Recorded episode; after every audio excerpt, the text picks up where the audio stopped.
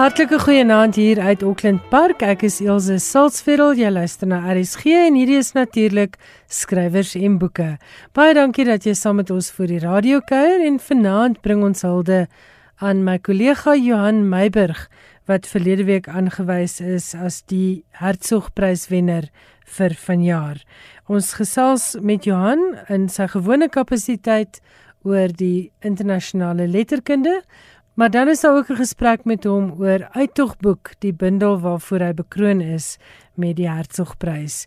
En jy kan ook luister na die voorlesings uit die RSG Kunstefees uit Uittogboek en dit word voorgeles deur Louis van die Kerk.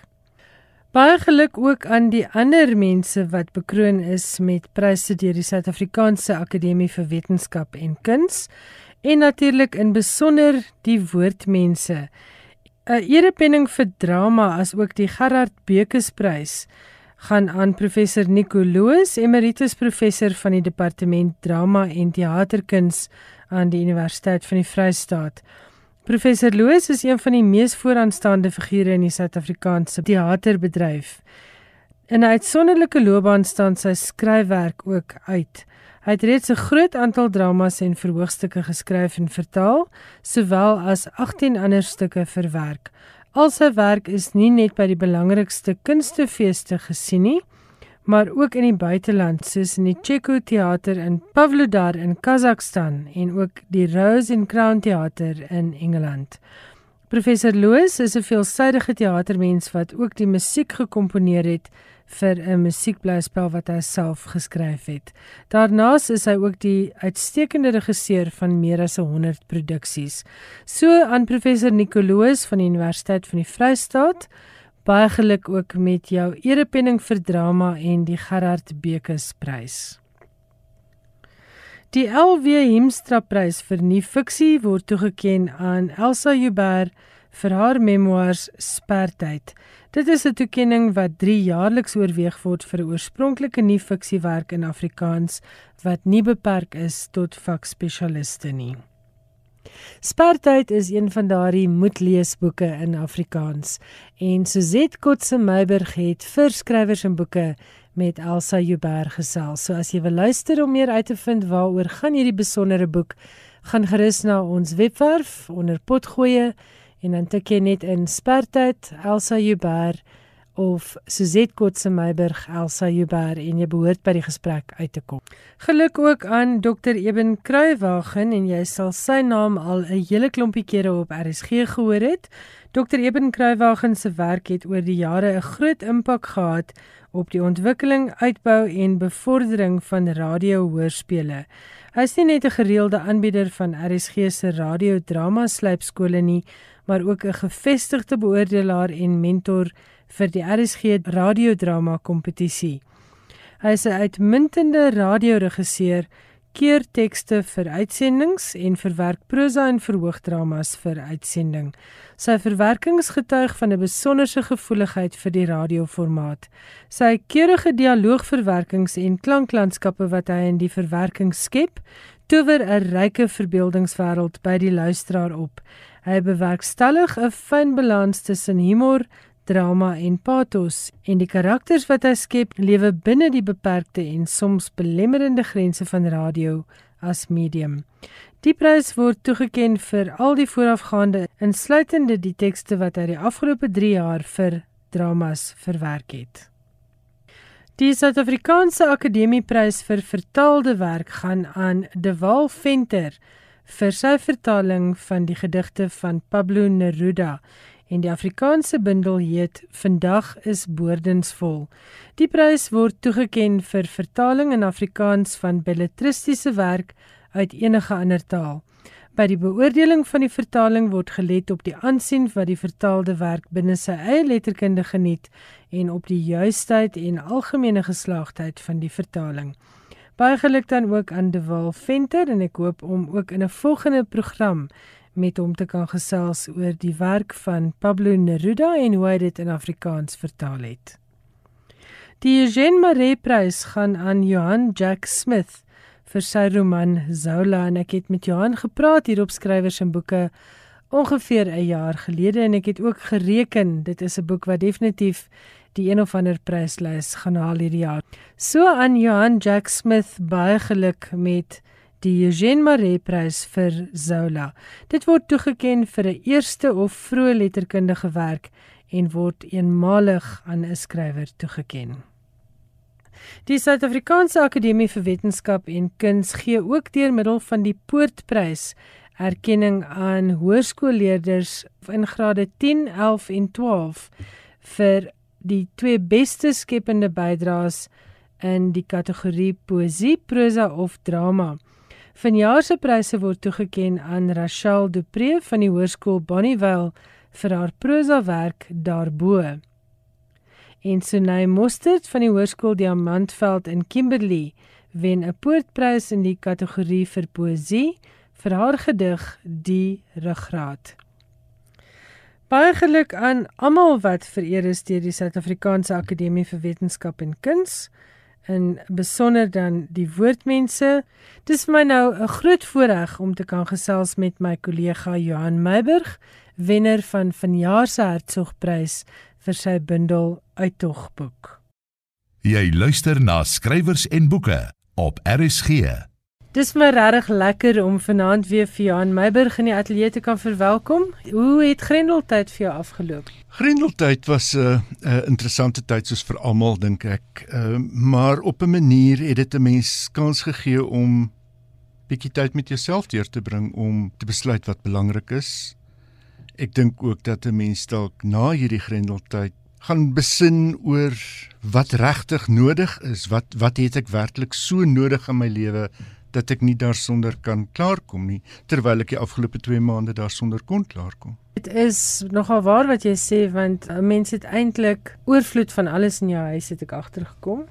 En ek dink die blote voorreg van kos in jou kas en 'n gerieflike huis, net dit is al klaar baie meer as wat miljoene ander mense het. Dis presies dit. En dan hou jy om terstond op klaar.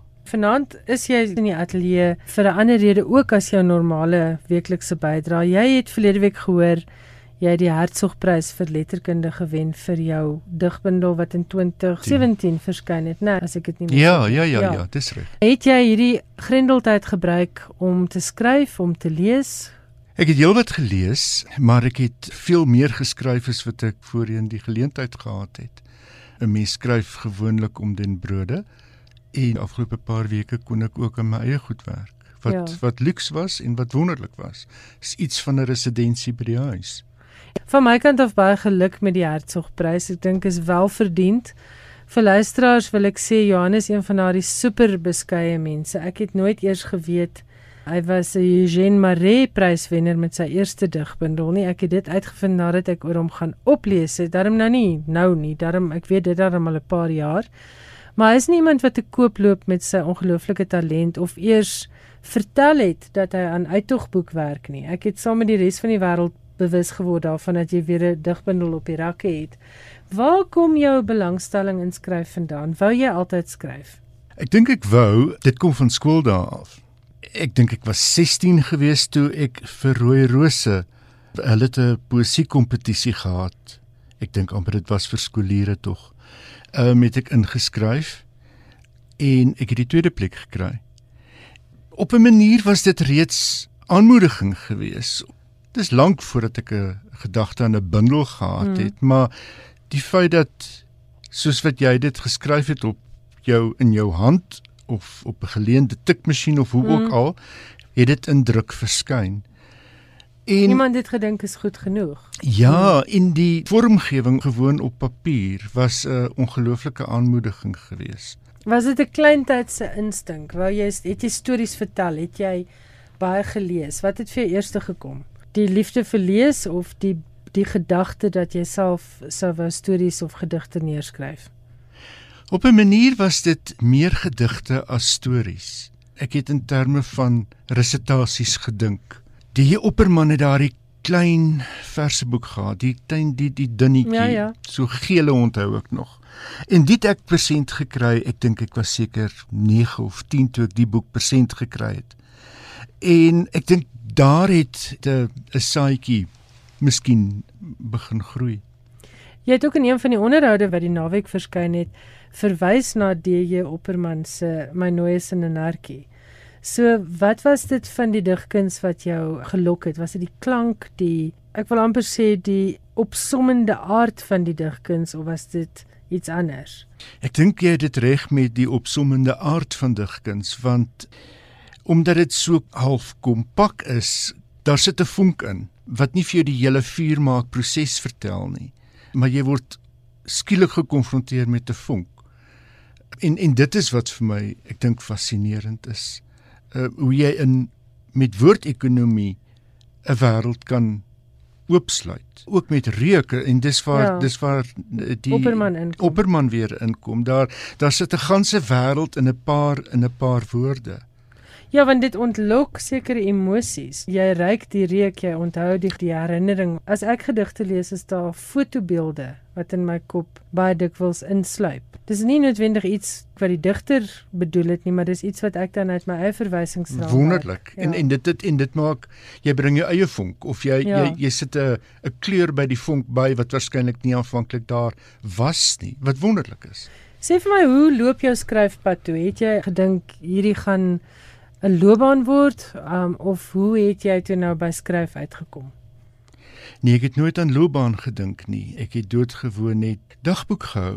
Nie in die sin van dag vir dag 'n uh, inskrywing oor vandag het dit gebeur nie, mm maar 'n boek bygehou waar ek daagliks in um, geskryf het. Partykeer was dit die grootste nonsens, maar daar sit ook 'n ritme in om in die proses te bly van skryf dis 'n baie nuttige ding dink ek om potlood in die hand te hê en en en jou gedagtes neer te pen. Antjie Krog het dit vir my gesê toe ek 16 jaar oud was. Ons moes almal gedig nadat ons Antjie Krog se digkuns gelees het. En ons het natuurlik verwoed gedig want Antjie Krog praat ook nou nog boonop met ons. En toe vra ek vir haar na die tyd wat is die beste raad as 'n mens 'n skrywer wil word? En sy het gesê presies wat jy nou sê. Skryf elke dag. Al skryf jy in jou dagboek of al skryf jy vir iemand 'n brief, skryf net elke dag want dit is die beste oefening.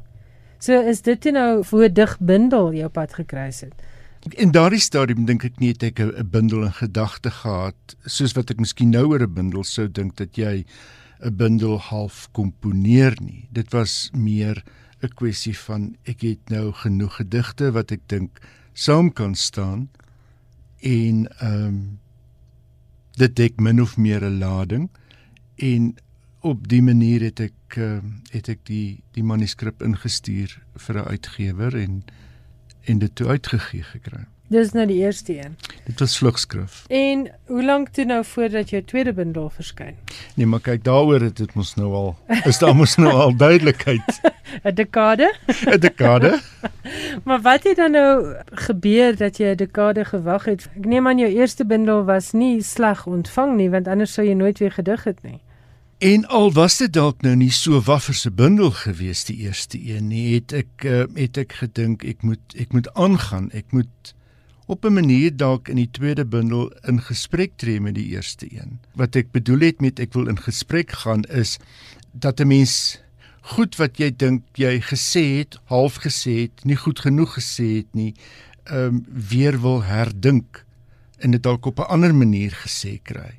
En ek en ek hoop dat daar tussen bundels ook leidrade is wat die een aan die ander een kan bind want dis dieselfde persoon ek dink nie 'n bundel is ooit afgehandel en klaar nie. Ek ek dink dit is dalk op 'n manier verskillende kante van dieselfde boot wat gever word. Dis 'n mooi manier om dit te stel en miskien 'n voortdurende gesprek. Ek dink dit is 'n voortdurende gesprek, ja. Uittogboek het spesifiek gegaan ook oor of een van die sterk temas is ouderdom en die aftakeling en die bagasie wat 'n mens deur jou lewe saamsleep en wat jy daarmee doen. Nou wil ek vir jou vra oor die skryf van uittogboek spesifiek. Uh jy het ook baie lank aan hom gewerk, maar jy het nou nou iets genoem van 'n bundel komponeer. Vertel vir ons van daardie proses. Hoe het jy uittogboek benader? Het jy vooraf besluit hierdie gaan die tema wees of was dit 'n spontane organiese proses? Nee, die spontane speel nogal ook 'n belangrike rol. 'n Mens beplan baie soos jy sê, deeglik, maar dinge gebeur ook. En ek dink 'n mens moet 'n oop oog hou vir goed wat met 'n wou gebeur. Die bundel was nie aanvanklik uittogboek getitel nie. Ek het 'n ander titel gehad wat my goeie vriend Daniel Hugo gesê het, uh, nie uh, gaan deug nie. En ek het heeltemal uh, met hom ingestem en geluister wat hy sê en en ek moes toe 'n ander titel kry. Toe ek net doodgewoon met oop oë na die manuskrip toe gegaan en probeer half op 'n afstand probeer kyk wat is 'n tema wat loop.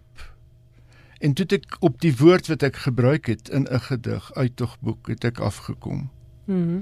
En dit ek toe op die tong getoets en en en daaroor nagedink en en dit getoets aan dit werk binne daardie gedig waarskynlik maar sou dit ook kan werk ten opsigte van ander gedigte.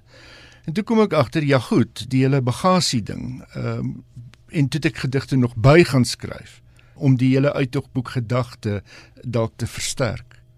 So wat jy nou sê is baie interessant. Jy dien 'n manuskrip in met die gedagte hier's die manuskrip, dan kry jy reaksie wat 'n soektog aan die gang sit en 'n heel nuwe skepingsproses vir nog gedigte.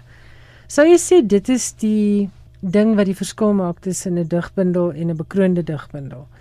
Die feit dat jy oopkop moet kyk en nog moet um bereid wees om aan te hou skaaf en alles begin weer van voor af. As jy dan nou vir my vra oor 10 jaar, daar het jy nou nie antwoord. Dis alles wat wat opgeneem word. Nou ek mens kan korter werk as 10 jaar. Ek sien nie ek sien 10 jaar is die mikpunt nie. Ja. Ek sou graag vinniger wou gewerk het mm. al.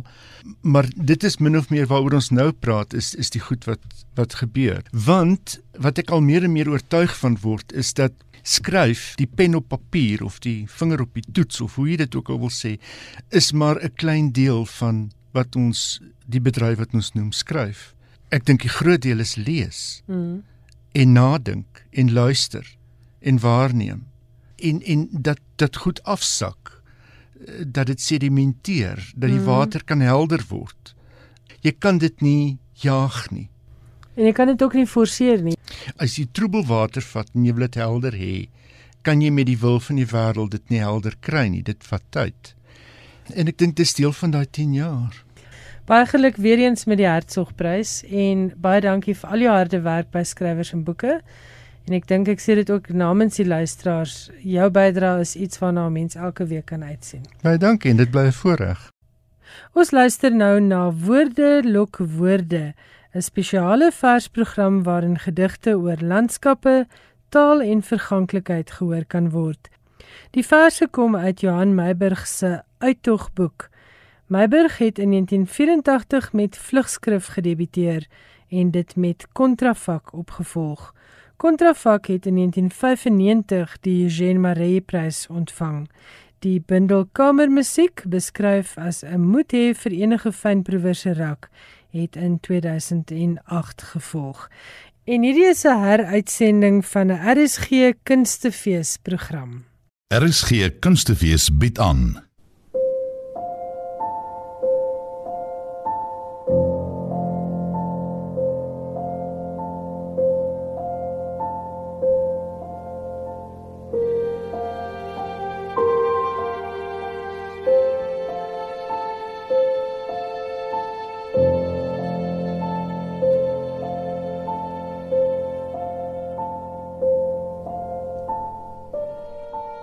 kurper.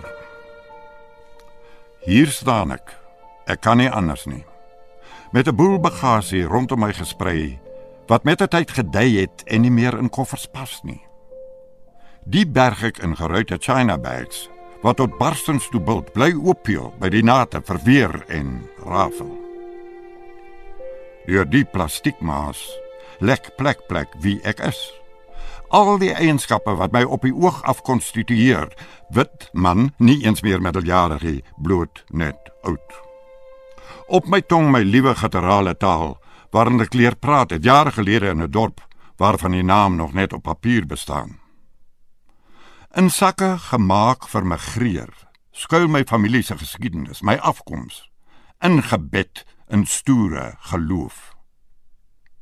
My kultuur wat ek soms wil negeer, dalk omdat dit my soos 'n handskoen pas.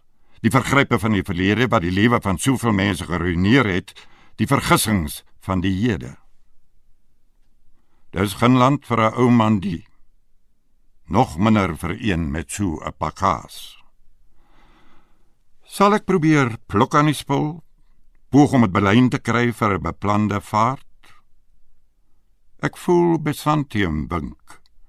Die wil om nie te stagneer nie. Hier sal ek bly staan. Solank ek voortdurend kan bedink hoe anders om vreemdheid as die voorhande te formuleer. Johannesburg.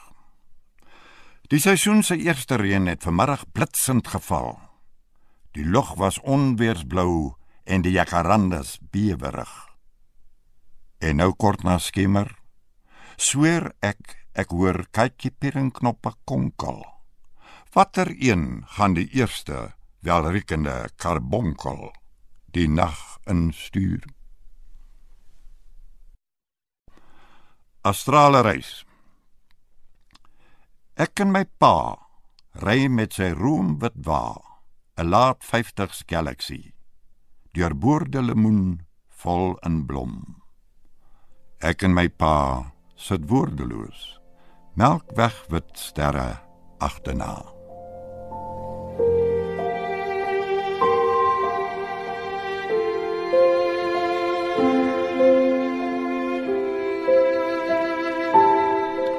Kitab al-Fila. Notas oor landbou. Wil jy 'n huis hê met 'n tuin rondom? Kies dan 'n hoogte waar jy veilig voel en draai die huis so teen die hang dat jy die strale van die middagson soel op dak en mure vang. Grawe 'n put op die hoogste punt en neffens dit 'n poel waaruit jy water met kanale laar af lê na boomryke dele waar koel skadu's immer groen bly. Jou huis met twee deure hê. Die doel is geborgenheid en gerief. Spit perke uit waar blomme welig joel. Plante vy en omring lesbes jou erf met boë waaroor rose rankend spoel. Skilder met woorde. Na litografie van Sam Nklingedwa. Om tuis te kom na 'n lang dag se werk, ag of wat ure weg van huis. Sonder om te weet hoe die son skuif oor die dak. Hoe Adidas op die nok sit en hoe ha. Hoe ranker by die dag geiler neig om 'n vensterraam. Om skemer tuis te kom, 'n deur oop te stoot 'n vertrek te groet ligte aan te knip. Behaaglike poele lig oor prente, matte, 'n sofa, 'n stoel. Die haakshoek waar vloer en muur ontmoet en plafon en muur. Die gaafheid van 'n deurknop onderhand. 'n Deur wat perfek geskarnier in 'n kusyn inglip. Om my te verstom aan die argitektuur van geborgenheid om tuis te kom. Idelle. Daar was nog altyd iets royaals in die aantog van die skemeruur.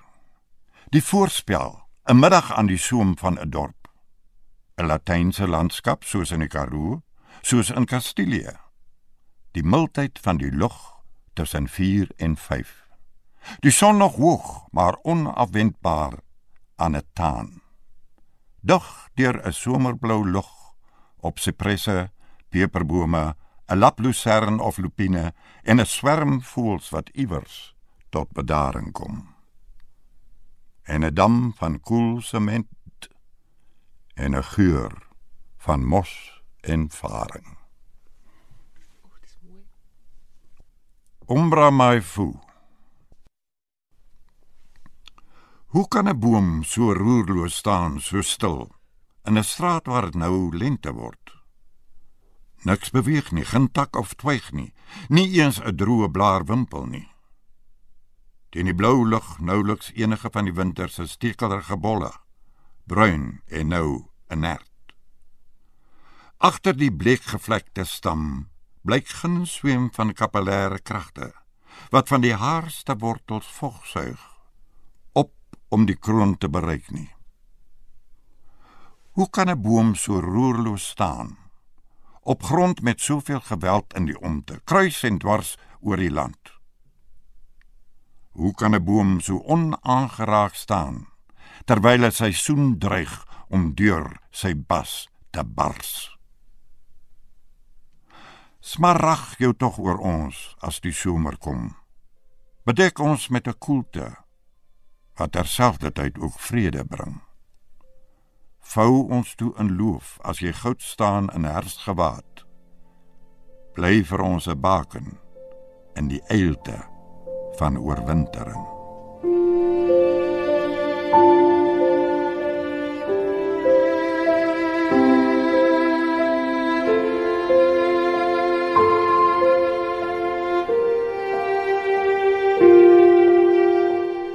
Rystraat Potchefstroom. Sommige somers as jy jou blou Valiant pak en sê toe verkas met jou Anna en Kroos. Het ek 'n oog oor jou tuin moes hou teen verdroging en veringeval. 'n Jong tuin is broos as reën wegbly in Desember. Van oor kan die straat het ek toe nog 'n skoolier gesien hoe jy perke laat spit. Buitelyne beplan en beddings vul met struike. Verlower, verblom, vergeur. Gesien hoe jy rankers voorlopig stut met riet. Gaande weg het ek patrone begin snap. Dat sepresse net in pare alleenheid oorleef.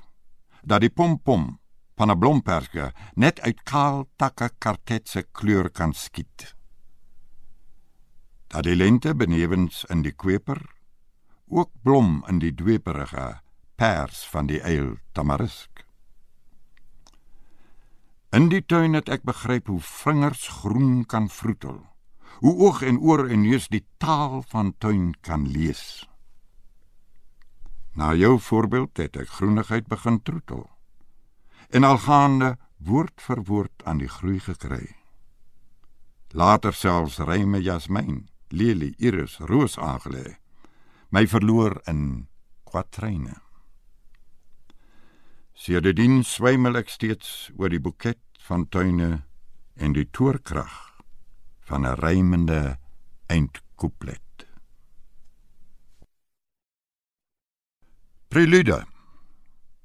Van die tuin het weinig oorgebly. Ek sou droewig aan dit skryf kon gaan. Die tuin het wild geword. Roofdiere loop lank getand deur Kukuyu. Die innemende poel lê gletser kil. Van die glissandros van gistermiddag is daar niks oor nie. Die broodboom doen 'n donker, topswaar pirouet. Die liewe olyf is 'n sampioenwolk. Die naderdraai van 'n klein kernontploffing. Straatligte gunter 'n gehavende snoer. Droewig sou ek aan dit skryf kon gaan. MB3 Wat is dit aanskryf wat my so mateloos boei? Pols teen pols my hande aandagtig saamslaan in onhoorbare applous. My uitstuur op bedevaarte, vingerpunte lig wegrakend. Palm so stakke loof teen mekaar gedruk. Wat is dit aan taal?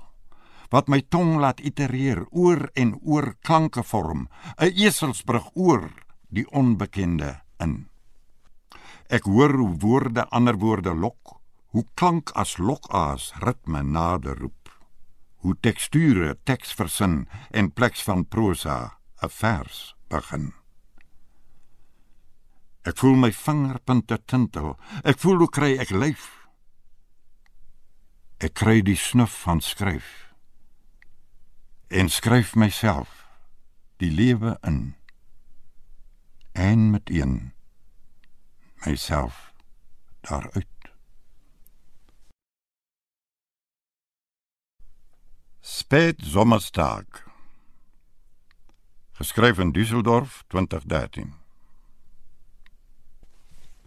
Op 'n terras met die somer se trotse bome lig wegritselend in die tamere van 'n nadere seisoen. Mis ek jou intens. Aan die een kant is die tonale wat ek wens jy nou kon sien, die koepel kopergroen.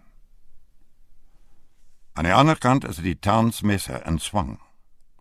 Tussen felblommende kannas op 'n rostrum simuleer twee 'n liefdespel.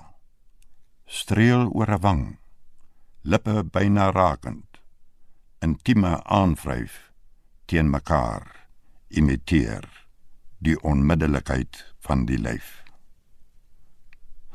Skryf is so eindig insulêr teenoor dans. Skryf is om jou nie nodig te hê nie. Die woord is die aanwesigheid van jou absensie. Onwetend word jy deel van die gedig. Trotsdem ingevleg in 'n toonsoort. Ek lê die pen neer, vou die boek toe.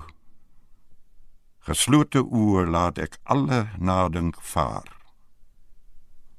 Sodat ek jou klokhelder kan hoor praat. Kodesel. Ek laat jou alles na by ingebring deur jare. Gedeelde aanwins uiteraard. Maar ook die goed waaraan jy geen deel gehad het nie. Voorgeskiedenis dus. Hoe verklaar 'n mens 60 jaar op papier? Snags probeer ek slapeloos pluis, presies hoe die vurk in die hef steek. Wie waar inpas in vergeelde tafereele of verbeelde gebeure, gesigte by name kry. Met jou slapend, onbewus van die historie. Alles van waarde laat ek weerloos na. Waarde. Weeg ek ook nou op die tong. Tafel, stoel, tapijt. Het dalk nut. Maar wat van papier, ornament wat kwaliek iets laat blyk van sentiment. 'n Objek waarvan patina die waarde ver oorskry. Skrywend weet ek trappe van vergelykender. Om te leef om te oorleef om oorleef te word.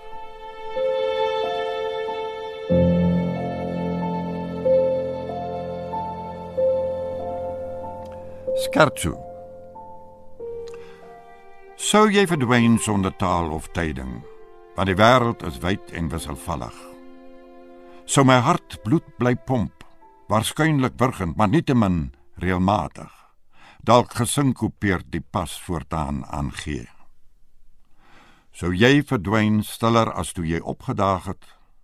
Sou ek geen appel met jou wou skil, geen brewel koester, geen appel wou maak op goeie dae of briewe skryf nie om jou oor te haal.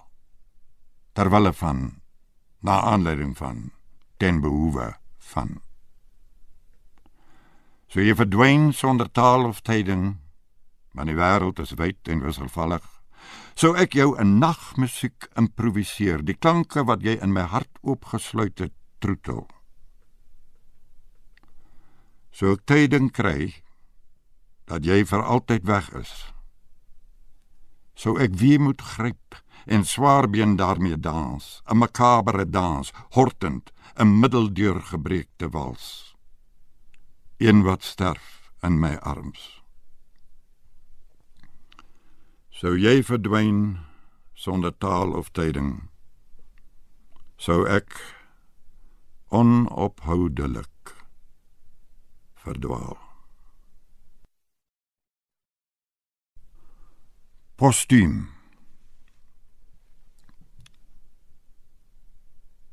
Ek knoop 'n gesprek aan, miskien makliker. Nou by Nabat. Dalk omdat ek weet jy nie terug kan praat nie. Nie verwyd nie. Nie weet my leemtes uit kan wys nie. My nie misverstaan nie. Vooruit. Moet ons nou kom? Ons kan nie terug praat nie. Nie terug krabbel nie. Nie ou koeie op rakel nie. Tussen almal wat van heinde en ver gekom het. Daardie droewe dag het ek jou gemis. Ons sou kon praat. Dalk land en sand dalk wyd en suid. Allereers sou ek byvoorbeeld wou verneem of jy ingekus tevrede was met die blomme op jou begrafnis.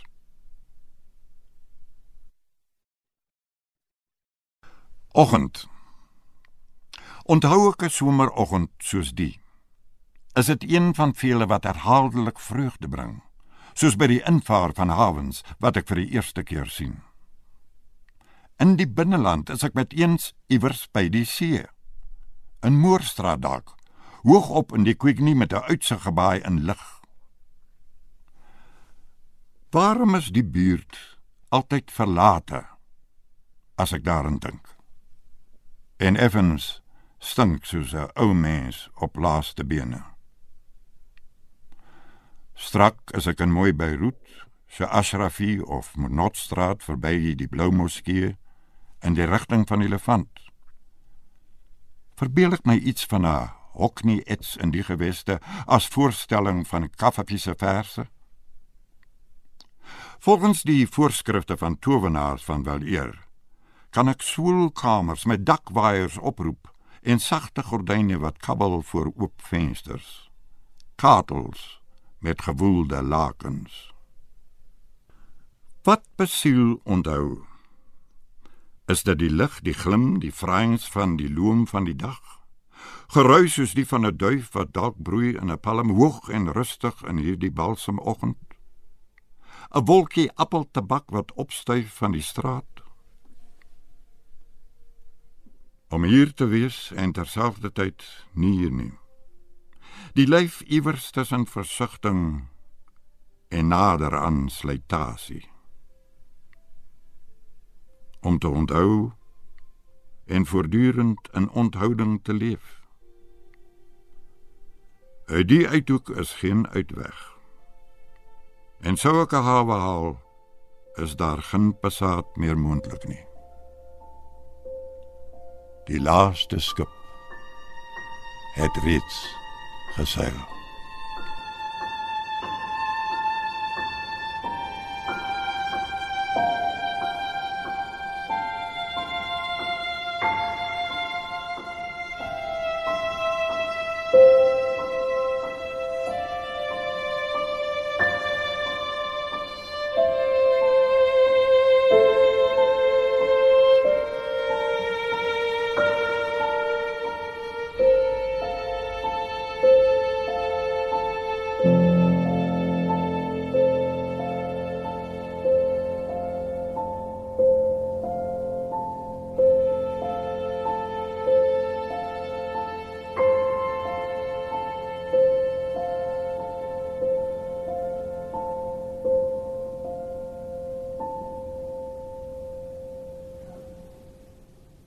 Hierdie produksie is geskep in opdrag van RSG Kunstefees 2016.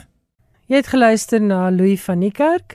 Die produksie se naam is Woorde lok woorde en dit is uitgesaai as deel van die RSG Kunstefees 2016. Ons skop af met iets oor die Booker International. Dis reg, die wenners van die 2020 Booker International, die prys vir vertaalde werk, sou op 19 Mei aangekondig word maar is nou weens die COVID-19 pandemie uitgestel tot latere kennisgewing, waarskynlik in September of Oktober. Die Boeker Stichting het in 'n verklaring gesê die uitbreking van die koronavirus het 'n ernstige ontwrigting in boekverkope wêreldwyd tot gevolg gehad en die besluit om die aankondiging terug te hou is om lesers die geleentheid te bied om die ses boeke op die kortlys in die hande te kry voordat die wenner aangekondig word. Die ses boeke is The Enlightenment of the Green Gage Tree deur die Iraanse skrywer Shoukoufeh Azar. Die boek het oorspronklik in Farsi verskyn en is vertaal deur Adrian Kijek. The Adventures of China Iron deur die Argentynse skrywer Gabriela Gabeson Camara. Die boek is uit Spaans vertaal deur Iona McIntyre en Fiona McIntosh. Till 'n roman van Daniel Kehlmann wat oorspronklik in Duits verskyn het en vertaal is deur Ross Benjamin. Nog 'n roman wat in Spaans verskyn het, The Hurricane Season deur die Meksikaanse skrywer Fernanda Melchor. Die boek is vertaal deur Sophie Hughes. The Memory Police deur Yoko Ogawa is uit Japanees vertaal deur Steven Snyder en The Discomfort of Evening is die vertaling deur Michelle Hutchison van Marike Lucas Reineveld se roman wat oorspronklik in Nederlands gepubliseer is. Drie van die romans het 'n soort volksgeskiedenis as onderwerp. The Enlightenment of the Green Gage Tree gaan oor die Islamitiese revolusie in Iran in 1979. The Adventures of China Iron verken die gaucho kultuur in Argentinië in die 1870s en Till die 30-jarige oorlog in Duitsland. Die ander romans, Hurricane Season, Memory Police en The Discomfort of Evening, verken al drie aspekte van trauma as gevolg van emosionele verlies of geweld. Die boek op die kortlys dompel 'n mens in die verbeelde lewens van die karakters en slaag daarin om jou deurgangs te boei, het Ted Hodgkinson, sameroeper van die beoordelaarspaneel, oor die sestal boeke gesê. Die oogmerk van die prys is juis om erkenning te gee aan skrywers en vertalers in die groter wêreldletterkunde. Die prysgeld van sowat 1,1 miljoen rand word gelyk opgedeel deur skrywer en vertaler. Intussen het die organiseerders van die Women's Prize for Fiction ook aangekondig dat die wenner van die prys eers teen September bekend gemaak sal word. Ek is ook om 'n ander rede bly hulle het die benoemings teruggehou want ek het opgelet hier in Suid-Afrika was daar aan die begin van lockdown of grendeltyd en gedurende grendeltyd weer baie groepe wat opgeskiet het wat manuskripte van skrywers onwettig gedeel het. En dis eintlik niks anders as diefstal. diefstal. Kom ons sê gewoon diefstal. Baie regheid. Dit is ja. ook 'n oortreding van die kopieregwet en mense kan jy kan tronk toe gaan as jy dit versprei of as jy dit ontvang. En ek dink nie mense besef hoe ongelooflik baie skade doen hulle die uitgewersbedryf daardeur nie. Want Inderdaad, en die skrywers. Die skrywer kry 'n so klein deeltjie. Ja. Ek bedoel, ons het al baie daaroor gepraat, 10 of 12% dan die maar as jy gelukkig is. As jy gelukkig is, ja. Uh en nou steel mense boonop jou manuskrip, so die 10 of 12 rand per 100 rand wat jy dalk vir jou boek kry. En onthou, dis 10 of 12 rand van die aankoopprys. Van die aankoopprys. Wat die uitgewer dit voor verkoop aan die boekwinkel. So moenie dink as jy 'n boek vir 350 rand koop dat die uitgewer die 350 net so aan die skrywer oorhandig nie. En ek bly die die boekerpryse en ander groter pryse het hulle het hulle groot boeke bietjie teruggehou. Want ek dink anderster was dit klaar weer die hele internet vol. Wat hulle ook gesê het is dat hulle nou gaan begin in aanloop tot die aankondiging van die pryse om die boeke weer aktief te bemark, dat die ekonomie op daardie manier ook weer 'n bietjie aan die gang kan kom. En onthou vir mense wat dalk sukkel om boeke in boekwinkels te kry want die boekwinkel in jou dorp is nog nie oop nie. Dit is sodat koeriers weer mag um sekere goed begin aflewer. Aanlyn verkope is oop. So ondersteun asseblief julle boekwinkels. Hulle het ook swaar gekry en ek weet vir 'n feit skrywers het baie swaar gekry in hierdie tyd. Johan, dan praat jy met ons oor Alaska en boekdinge wat daar gebeur het. Romans soos The Great Gatsby van F. Scott Fitzgerald en I Know Why the Caged Bird Sings van Maya Angelou is nou weer deel van die kurrikulum van 'n skool in Palmer in Alaska nadat die gemeenskap beswaar gemaak het teen die skoolraad se besluit in April om 5 boeke uit die skool se leerplan te verwyder. Die ander 3 boeke is Catch 22 van Joseph Heller, Ralph Ellison se The Invisible Man en die kortverhaalbundel The Things They Carried van Tim O'Brien. Angelo se memoirs is verwyder oor die en ek haal aan eksplisiete verwysings na die seksuele geweld wat sy as kind verduur het en die anti-wit boodskap van die boek. In Heller se Catch 22 het onderskoot gekom vir die uitbeelding van vooroordeel teenoor vroue en swart mense in die 1940s. Nadat die verbod ingestel is, is leerdlinge met aanbiedinge van kontant tot makaroni en kaas omgekoop om wel die boeke te lees. En nasionale teensensuurgroepe het die verbod deur die skoolraad veroordeel. Onder die druk het die skoolraad sy besluit heroorweeg en die verbod intussen opgehef.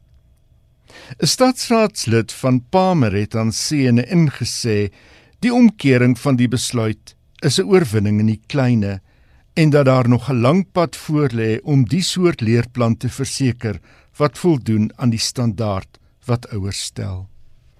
Ek moes nou glimlag uh omgekoop met alles van kontant tot makaroni en kaas. Ons weet dit is trooskos, maar ek het nie besef dis ook omkoopkos nie. Ja, dit kan ook ondermynend wees. Jy het iets gesê oor F Scott Fitzgerald. Ek het 'n verlede week se program verwys na 'n uh, brief wat hy sou geskryf het aan iemand oor uh net tog nie brandewyn nie oor die uh, opgaar van drank en 'n luisteraar uit Amerika het my laat weet dat hy woon in die dorpie waar Fitzgerald gebore is en hy was toe nou geprikkel deur die insetsel en hy het gaan gaan soek na die brief en dit is toe nou al die tyd soos hulle sal sê fake news. If Scott Fitzgerald het nooit daai brief geskryf nie. So ek vra ek vra om verskoning dat ons iets toegeskryf het aan die groot skrywer wat nie sy handewerk was nie maar dit was baie vermaaklik. En dit sou nog meer vermaaklik gewees het as hy dit wel geskryf het. Inderdaad so. Goed, dan het jy iets oor uh, Haruki Murakami. Die Japanse skrywer Haruki Murakami, bekend vir sy debuut van 1979 wat in 87 vertaal is as Hear the Wind Sing en later vertaalde weergawe soos Norwegian Wood, Kafka on the Shore, IQ 84 en sy jongste roman Killing Commendatore wat in 2018 in Engels verskyn het, word ook dikwels 'n aanspraakmaker op die Nobelprys vir letterkunde genoem. Hoewel Murakami 'n man is wat die literêre kollig vermy, bied hy sedert 2018 so elke 2 maande 'n musiekprogram bekend as Murakami Radio aan wat ywerig deur radiostasies in Japan tot soveel as 38 uitgesaai word. Vrydag aand het hy weer so 'n program aangebied en musiek voorgespeel waarmee hy, soos hy sê, luisteraars wou help om 'n bietjie te ontsnap aan korona-verwante melankolie. Murakami se liefde vir musiek het onder meer na vore gekom in 'n jazzkafee wat hy by geleentheid in Tokio bedryf het. Daarby het hy heelwat oor musiek geskryf en boeke oor die onderwerp vertaal.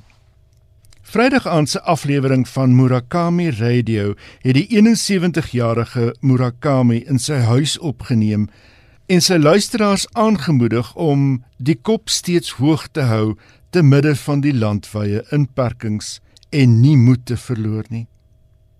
Een van die liedjies wat hy voorgespeel het, is die een van Carole King wat in 1972 aangewys is as die Grammys liedjie van die jaar, You've Got a Friend. En met Carol King se You've Got a Friend is dit aan die einde van vanaand se skrywers en boeke. Johan, baie dankie dat jy vanaand saam met ons gekuier het. Baie dankie. Voorspoed met al jou skryfwerk ook. Ons sien uit na daai volgende bundel en ons groet dan tot volgende Woensdag aan dieselfde tyd. Ag hier net hier op RSG en dan is ek en Johan Meiberg hopelik weer terug met nog 'n skrywers en boeke. Tot dan, pas jouself op